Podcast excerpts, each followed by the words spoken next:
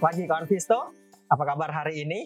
Semoga tetap diberikan kesehatan dan konsisten cuan ya tentunya. Baik, kita jumpa lagi di Trading Ideas pagi ini tanggal 6 April. Dan seperti biasa, sebelum kita membahas tentang ide-ide trading, ada baiknya kita review dulu pergerakan IHSG di perdagangan kemarin. Ya kemarin indeksnya mampu ditutup menguat, kembali ditutup menguat, berada di level 7148 atau menguat sebanyak 32 poin. Kalau secara persentase menguatnya 0,45 persen. Ini bisa dibilang ya menguat terbatas. Nah, melihat dari pergerakannya, sempat memang di awal-awal dia bergerak menguat, tapi tidak bertahan lama, kemudian mengalami tekanan jual sampai berada di teritori negatif. Tetapi indeks tidak bertahan lama di teritori negatif dan kembali mengalami uh, penguatan atau dorongan beli dan itu pun bertahan sampai dengan akhir sesi pertama. Meskipun di sesi pertama ini, di akhir sesi pertama ini indeks bisa dibilang ya konsolidasi dan kecenderungan uh, melemah ya di, di sesi pertama.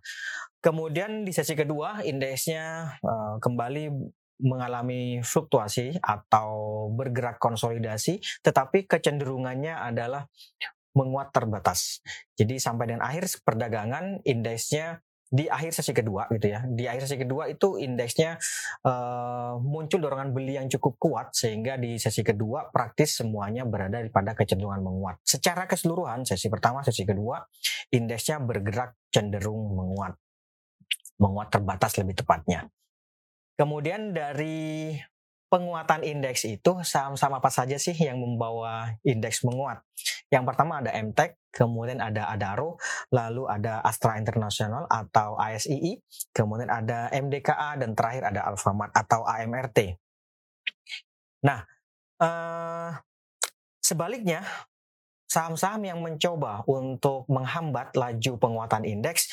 Yang pertama ada Arto, kemudian ada Kalbe Pharma atau KLBF, kemudian ada Telkom, Bian, dan terakhir ada Cepin. Itu dia lima besar saham yang mencoba untuk menghambat laju penguatan indeks. Bagaimana dengan transaksi asing? Di perdagangan kemarin, asing kembali mencatatkan net buy sebanyak 917 bio. Ini banyak banget meskipun belum nyampe 1 T. Kalau dirinci memang di pasar reguler sendiri asingnya hanya mencatatkan net buy sebanyak 603 bio, tapi ini juga sudah cukup banyak. Sementara di pasar non reguler atau di pasar negonya asingnya juga mencatatkan net buy sebanyak 613. Jadi kalau di secara keseluruhan menjadi 917. Tapi yang jadi perhatian mungkin cukup di reguler saja yaitu net buy 603 bio.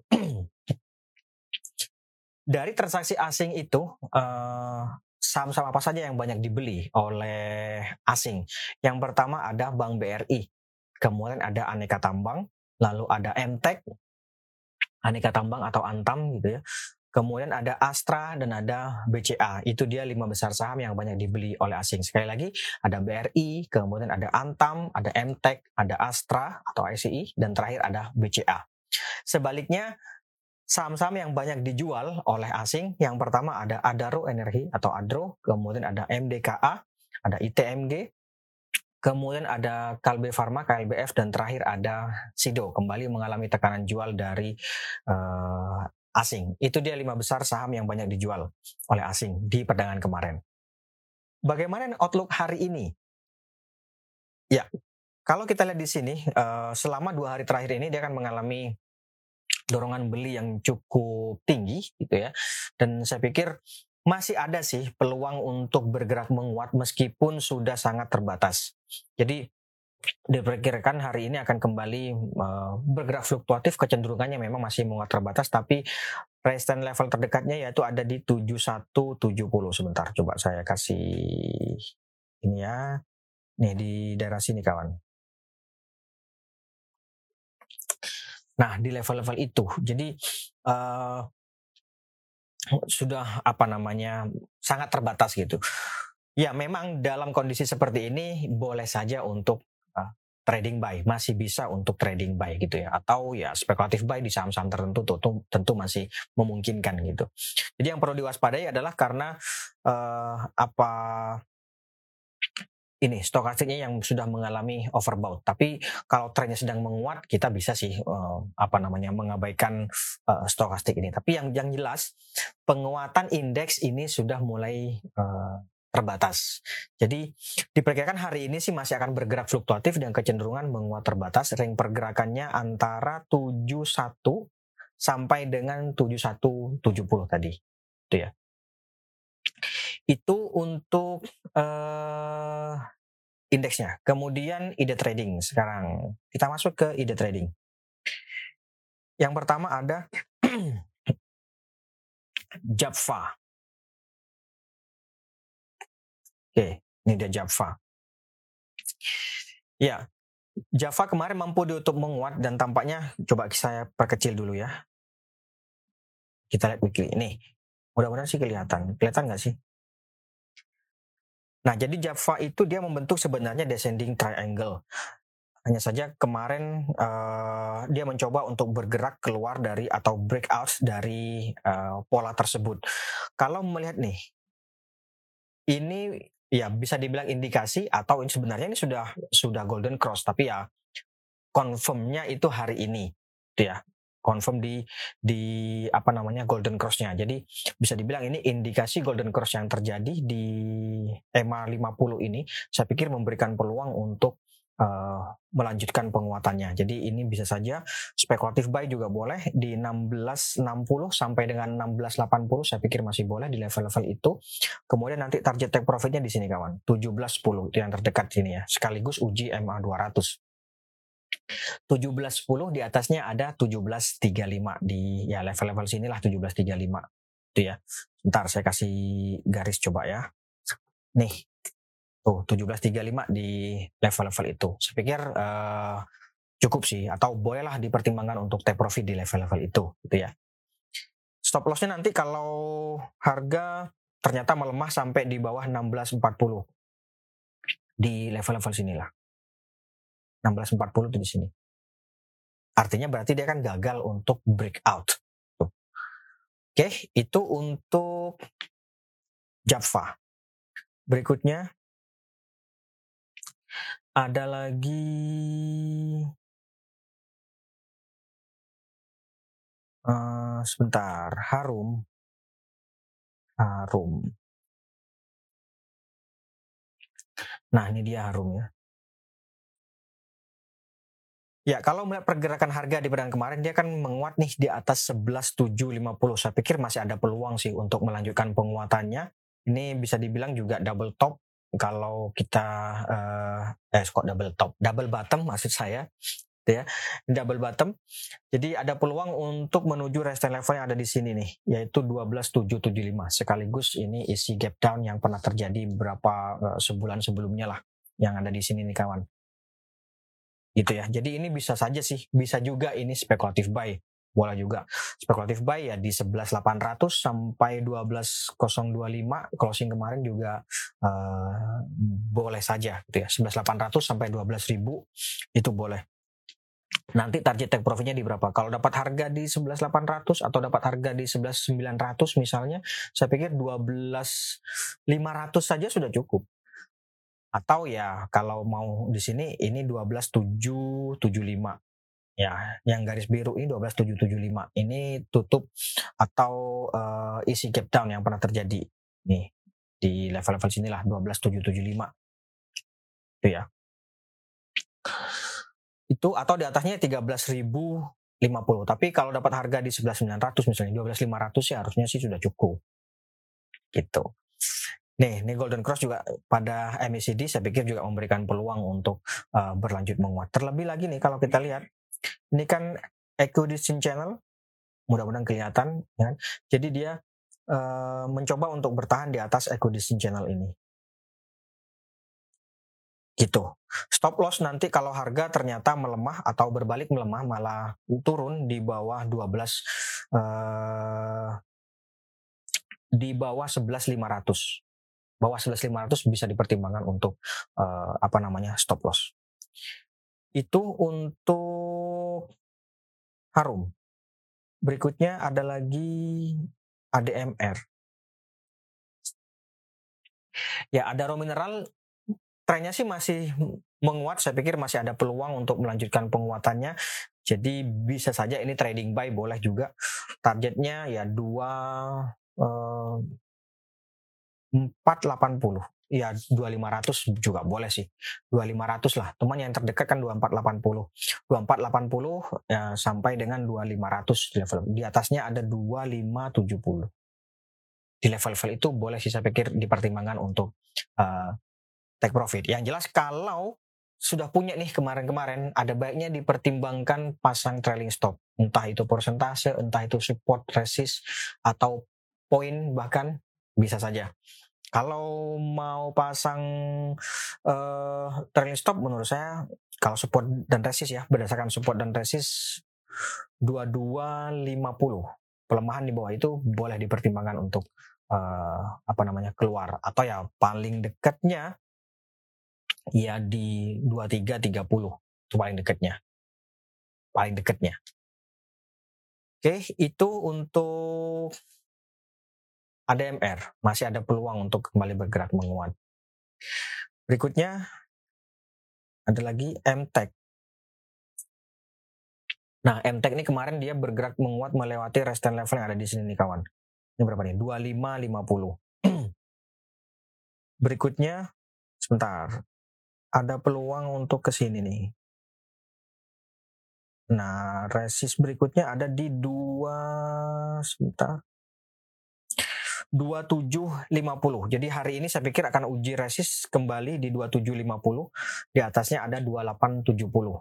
Kalau misalnya nih hari ini dia bergerak menguat di atas 2750 bisa di hold tapi 2750 menjadi trailing stop. Itu boleh juga seperti itu. Itu ya. Oke, itu untuk MTEK. Jadi 2750, kemudian di atasnya 2870. Itu resisten levelnya cukup kuat sih yang di 2870 ini kuat. Nih, saya perkecil deh. Coba lihat. Nah, ini dia. Ini kan uh, cukup kuat di sini ya.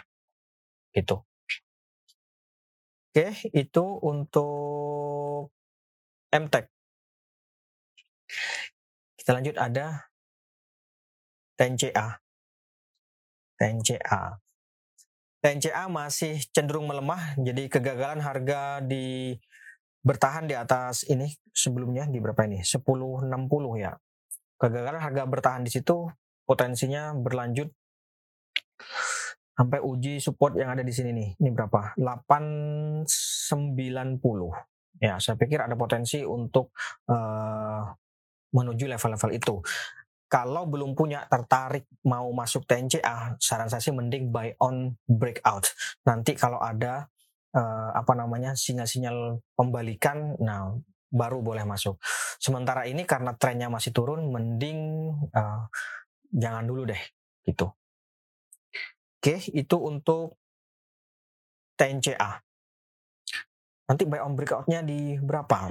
Ya tadi di atas 9 di atas 1060 paling ya di atas 1060 1060 1065 gitu. di atas itulah pokoknya itu pun baru ada peluang untuk uh, reversal gitu ya. Belum confirm reversal. Oke, itu untuk TNCA. Kemudian berikutnya ada lagi Antam. Antam. Ya, Antam saya pikir masih ada peluang juga untuk kembali bergerak menguat. Kemarin sudah bergerak uh, menguat sebanyak tiga poin. Saya pikir masih boleh. Ini trading buy 2750 target terdekat. 2750 di atasnya ada 2830. Boleh dipertimbangkan untuk take profit di level-level itu. Gitu ya. Kalau mau trading buy ya bisa di 2630 sampai dengan 2670 di level-level itu uh, boleh saja sih. Take profitnya di sini tadi yaitu di 2750 sampai di atasnya ada 2830. Itu. Itu ya untuk Antam. Kita lanjut. Ada lagi INKP. Oke, INKP. Ya, kemarin INKP juga mampu tutup menguat. Saya pikir cukup menarik juga ini. Uh, setelah sepekan kemarin dia mengalami konsolidasi di sini nih. Ya kan? Konsolidasi mencoba untuk bertahan di atas MA 200 dan kemarin dia bergerak melewati 8000. Saya pikir ada peluang sih untuk melanjutkan penguatannya. Bahwa terjadi tekanan jual di akhir-akhir sesi itu iya dan itu akan mencoba sih memang untuk menghambat laju uh, penguatan harga. Maka idealnya idealnya tentu adalah buy on weakness boleh di 8000 tapi kan 8000 sampai 8100 itu kan uh, relatif ya relatif Nah inilah beda tipis atau sedikit lah gitu ya. Jadi bisa saja spekulatif buy 8000 sampai dengan 8100 di level-level itu. Kalau dapat harga di 8000 ada baiknya bukan ada baiknya bisa juga dipertimbangkan untuk take profit di sini yaitu 8300 cukup sih 300 uh, eh, sorry 300 uh, eh, rupiah coba ya kita hitung ya 300 dibagi 3,3 persen, 3,7 persen. Bersihnya berarti 3,3. Cukup sih. Cukup. Untuk trading jangka pendek 2 persen, bahkan satu persen pun kadang diambil ya. Oke, itu untuk INKP. Kemudian berikutnya ada lagi Harum. Tadi sudah Harum. Uh, Excel. Excel ya. Oke, Excel. Nah, dia Excel. Excel ini cukup menarik sih menurut saya. Terlebih kalau kita lihat ya, kita uh, perkecil dulu. Mudah-mudahan kelihatan. Nih, ini dia kan sebenarnya uptrend nih. Ya bisa dibilang major juga lah gitu karena kan lebih dari uh, sudah lebih dari satu tahun bisa dibilang major lah dia tampaknya kan sedang mencoba untuk bertahan di atas ini nih, di atas uptrend line ini. Dan kemarin dia uh, rebound, rebound itu memang belum mampu untuk bergerak di atas EMA 20 ini. Tapi saya pikir kalau melihat stokastik yang mengalami bullish crossover di sini, ini memberikan peluang untuk kembali bergerak menguat. Jadi bisa saja ini spekulatif buy juga untuk Excel ya di 2670 sampai 2700 saya pikir uh, boleh di level-level itu. Atau kalau mau uh, misalnya tipenya buy low sell high ya bisa saja di sini. 2 600 sampai dengan 2650 buy on weakness di level-level itu juga boleh sih. Itu 2600 tuh yang di sini nih kawan. Tapi spekulatif buy pun sebenarnya juga sudah oke. Okay. 2670 sampai dengan 2700 ya itu boleh. Nanti target take profitnya di berapa? Nih 2790 di sini. 2790 sampai dengan 2860 yaitu uji MA 200 yang ada di sini nih kawan. Gitu. Oke. Okay. Itu untuk Excel. Kemudian ada lagi Arto.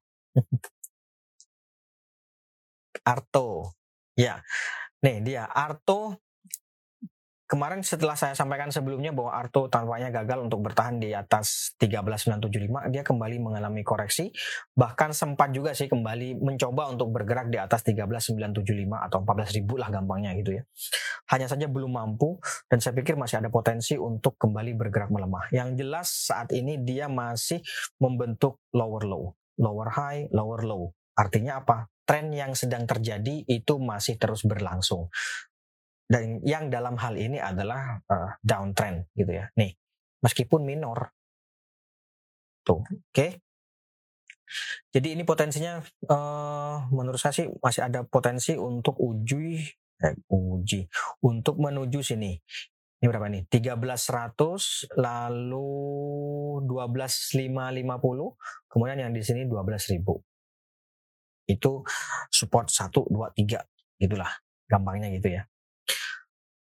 Bagi yang tertarik, ya menurut saya sih ada baiknya dipertimbangkan buy on breakout saja di atas 14.000 gitu. Oke, itu untuk Arto. Kita lanjut. Ada lagi Elsa. Nah, Elsa ini cukup menarik sih menurut saya. Elsa ini kemarin ya sebenarnya sudah selama lebih dari sepekan, eh, enam hari lebih tepatnya ya, enam hari, enam hari terakhir atau ya lebih dari sepekan terakhir, sepekan terakhir lah kita bilangnya. Itu dia mengalami konsolidasi kan. Konsolidasi mencoba untuk bertahan di atas uptrend line ini. Artinya ada peluang sih memang untuk rebound karena dia uh, sampai dengan saat ini dia belum mampu untuk melewati support level yang ada di sini nih. Nah kalau ini uh, nanti ternyata hari ini misalnya nih hari ini ternyata dia melemah sampai di bawah 286 misalnya di bawah sini nih MA 200 nih ada potensi untuk melanjutkan pelemahannya namanya bearish continuation Nah ini berpotensi sampai ke sini nih 272 sekitar itulah gitu ya. Yang jelas untuk saat ini dia masih boleh untuk spekulatif buy. Oke sih untuk spekulatif buy karena dia masih mencoba nih bertahan di atas garis ini nih uptrend line ini gitu ya. Bisa dipertimbangkan di dia 290 sampai 296 spekulatif buy di level-level itu saya pikir boleh. Nanti target take profitnya di berapa? Kalau dapat harga di 290 saya pikir 308 nih yang dekat di sini nih ini 302 sih. Di atasnya ada 3 ada 308. Boleh sih 308 nih sebentar saya tarik aja nih. Nah, di sini nih. Ini 308 nih. 308 kemudian di atasnya ada 314 di level-level itu bisa dipertimbangkan untuk uh, take profit apalagi dapat harganya di 290 gitu ya dapat 296 aja take profit 308 harusnya sih cukup untung yang jelas Oke, itu untuk uh, Elsa. Ini juga bullish crossover nih. Oh. Itu untuk Elsa. Kita lanjut. Ada lagi SCMA. Oke. Nah, ini dia SCMA nih. Ya, sebenarnya sih selama sepekan terakhir ini, nih ya, sepekan terakhir atau lima hari terakhir lah, atau ya dua pekan terakhir juga bisa dibilang seperti itu, dia mengalami konsolidasi di atas, itu kan ya. Biasanya kalau konsolidasi di atas kan, ya buy on breakout gitu ya. Tapi lihat nih, EMA 50-nya dia baru dia sampai dengan saat ini dia mencoba untuk bertahan di atas EMA 50 dan itu memberikan peluang untuk berlanjut menguat. Jadi ini juga bisa saja trade, mau trading buy atau spekulatif buy juga uh, boleh gitu ya.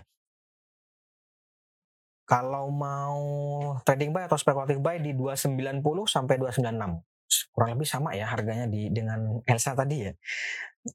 290 sampai dengan 296 boleh di level-level itu. Targetnya 314 ya kurang lebih sama juga.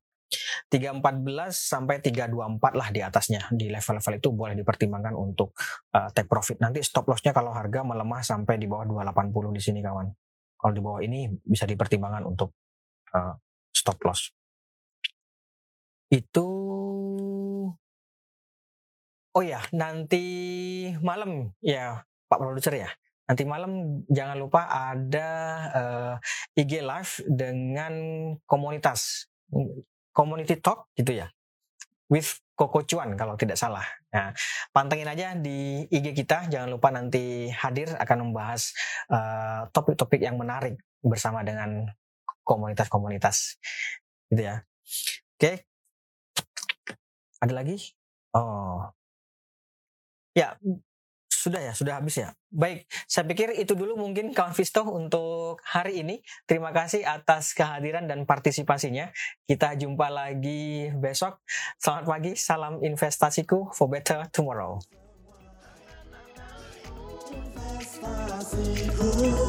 For better tomorrow.